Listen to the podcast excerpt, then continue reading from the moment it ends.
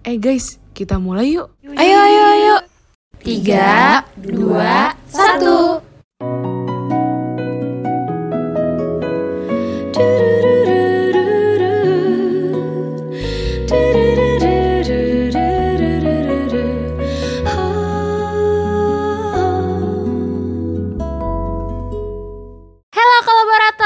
Selamat datang di iPod. IKK Podcast.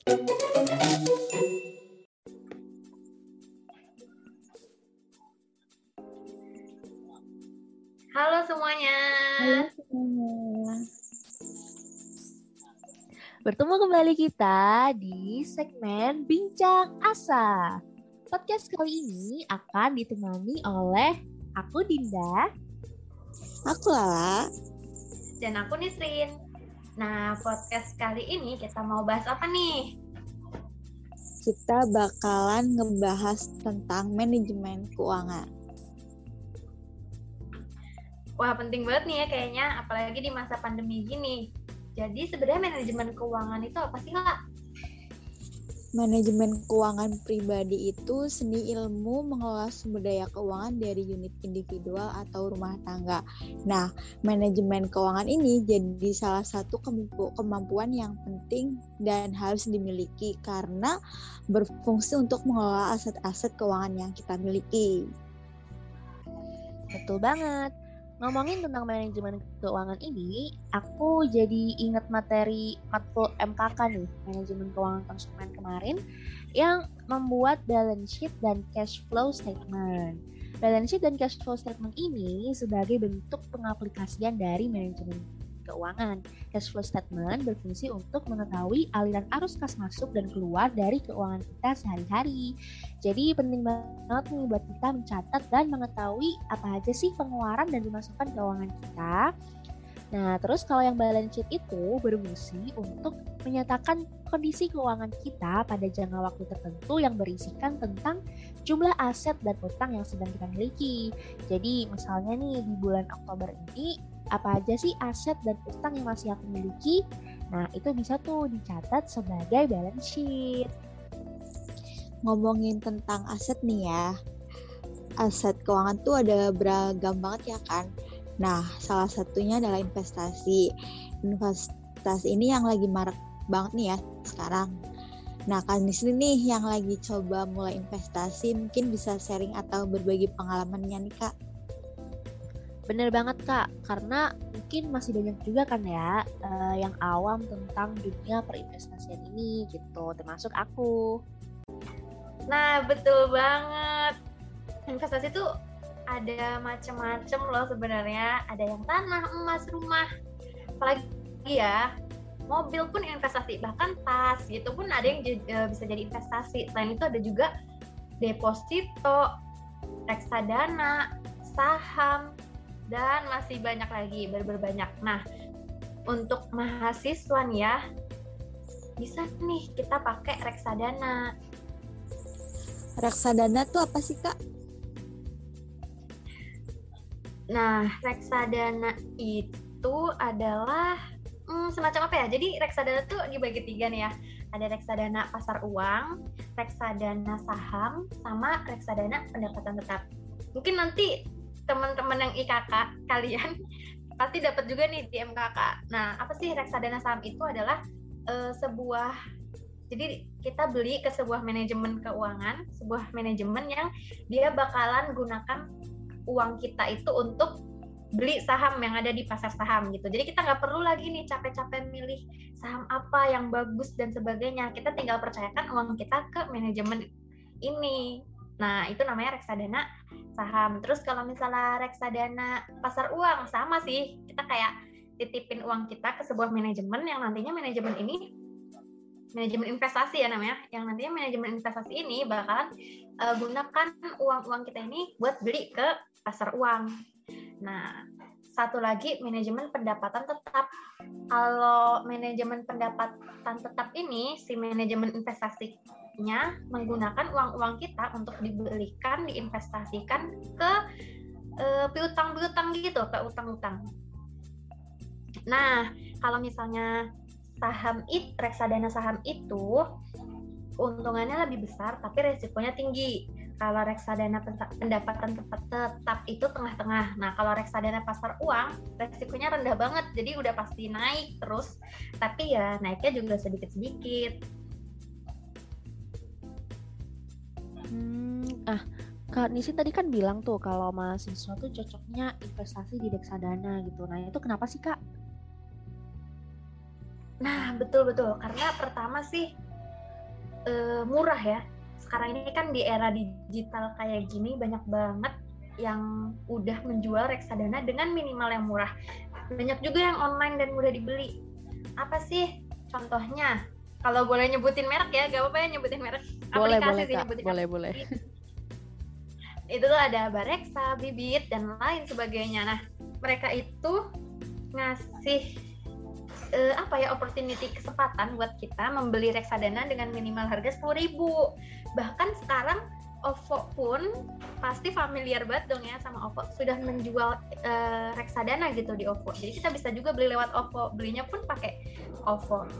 Belinya juga minimal sepuluh ribu. Makanya aku bilang kenapa mahasiswa menurutku cocok banget nih uh, buat investasi di reksadana. Karena mini minimalnya tuh murah banget bagi kita yang belum berpendapatan tetap lah ya pastinya. Wow. Untuk kan Muslim sekarang nih lagi investasi di mana kak? Nah kalau aku sih ya itu di reksadana. Kalau aku sendiri pak, uh, pakainya reksadana aplikasi Bareksa.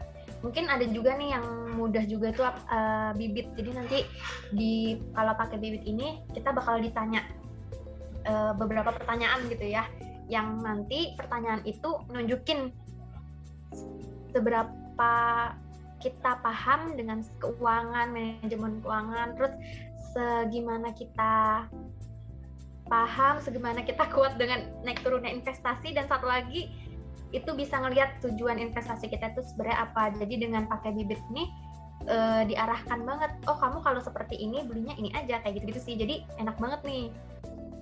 Tapi kalau aku sendiri pakai bareksa sih.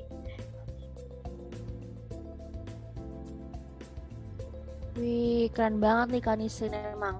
Nah, jadi gimana nih teman-teman pendengar kira-kira udah lumayan ngerti nih ya tentang perinvestasian ini gitu. Nah, kalau aku sih uh, lumayan tercerahkan nih sharing dari Kanisin ini.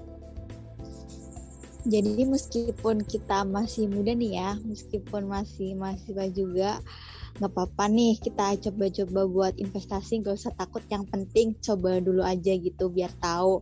Nah buat mahasiswa yang mau mulai berinvestasi nih ada nggak sih kak tips-tipsnya? Tipsnya itu ya kayak yang Lala bilang tadi coba aja dulu kalau menurut aku sih ya coba aja dulu. Dan selain itu selain coba baca-baca lihat-lihat banyak nih ya kan mudah banget cari informasi. Lihat-lihat terus yang paling penting adalah manajemen keuangannya dulu nih harus baik. Jangan sampai kita udah investasi padahal sebenarnya kita eh, nggak uh, punya uang gitu. Udah invest uangnya buat investasi eh buat beli kebutuhan-kebutuhan dasar pun belum mencukupi belum benar gitu. Makanya sebenarnya manajemen keuangan dulu nih dirapihkan Wih, di makasih banyak kan Nisrin atas tips-tipsnya. Nah, itu ya yang paling penting tuh manajemen keuangan dulu nih. Berarti kita harus uh, fokus perbaiki dulu manajemen keuangan kita gitu ya. Jadi balik lagi ke pentingnya memanage keuangan kita. Kadang kita tuh suka males atau lupa gitu nggak sih buat mencatat pengeluaran pemasukan kita gitu. Nah, kalau aku sih sering kelupaan gitu loh. Nah, kalau Kanisen sama Lala gimana? Kalau aku jujur ya sama juga sih.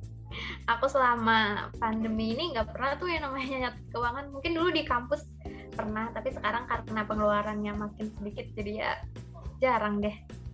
Kalau Lala gimana lah?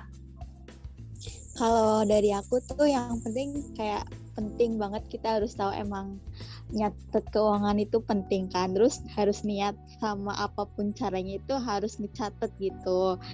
Karena dari nyatet keuangan itu tuh lebih bijak itu belanjain uangnya. Jadi lebih sadar buat nabung. Terus bisa tahu nih mau apa-apanya itu tahulah mana yang kebutuhan mana yang keinginan. Tuh.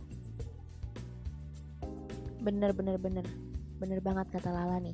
Nah beruntungnya juga kita karena lahir di era teknologi yang semua bisa serba gampang dan praktis. Karena bahkan mencatat mencatat keuangan pun sekarang udah ada aplikasinya nih. Jadi bagi yang suka lupa atau males mencatat keuangan, jangan khawatir karena kita akan berbagi aplikasi apa aja sih yang bisa memudahkan kita untuk mencatat keuangan. Wah asik nih kayaknya.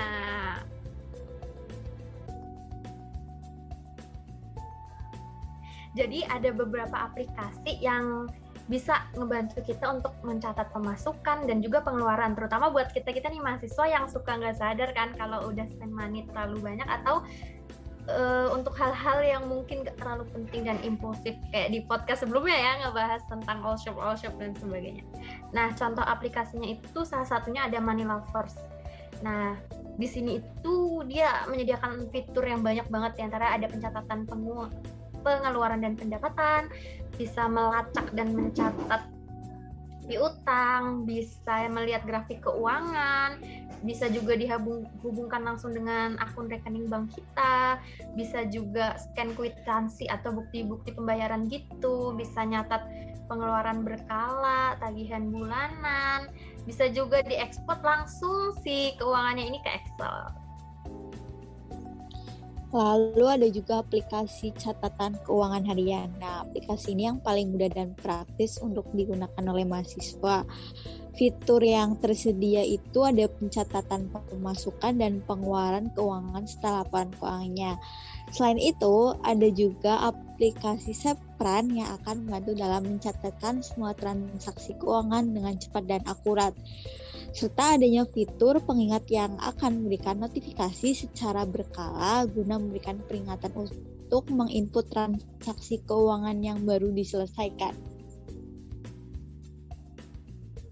Nah, itu tadi beberapa pilihan aplikasi ya uh, yang rekomendasi dari kita nih yang bisa mempermudah pencatatan keuangan. Sebenarnya mungkin masih ada banyak lagi sih ya aplikasi-aplikasi lainnya dan teman-teman bisa menyesuaikan sesuai kebutuhan dan juga kenyamanan dalam penggunaannya ya. Nah, betul banget Tinda, bisa tuh disesuaikan. Nah, semoga mulai sekarang teman-teman yang udah ngedengerin podcast ini yang mungkin masih belum terbiasa mencatat keuangannya bisa segera tergerak untuk rajin-rajin mencatat keuangan ya. Apalagi sekarang udah serba gampang banget dan udah ada aplikasinya juga, jadi nggak perlu mencatat secara manual deh. Betul banget. Betul. Karena dengan kita mencatat pengeluaran tuh jadi kita bisa tahu gitu loh apa aja uh, pengeluaran-pengeluaran kita gitu yang uh, membuat boros gitu di keuangan kita seperti itu. Oke deh teman-teman, karena sepertinya bahasan kita udah cukup panjang banget ya tadi, mungkin podcast kali ini akan kita cukupkan sampai sini dulu ya. Semoga apa yang udah kami bisa bermanfaat buat kita semua ya. Amin. Amin. Semoga bisa semakin menambah ilmu teman-teman nih seputar manajemen keuangan dan investasi ya. Oke deh, sekian dari kami. Kurang lebihnya mohon dimaafkan ya teman-teman dan juga semoga bermanfaat. Sampai jumpa di podcast selanjutnya. Dadah. Dadah. Thank you. Terima kasih.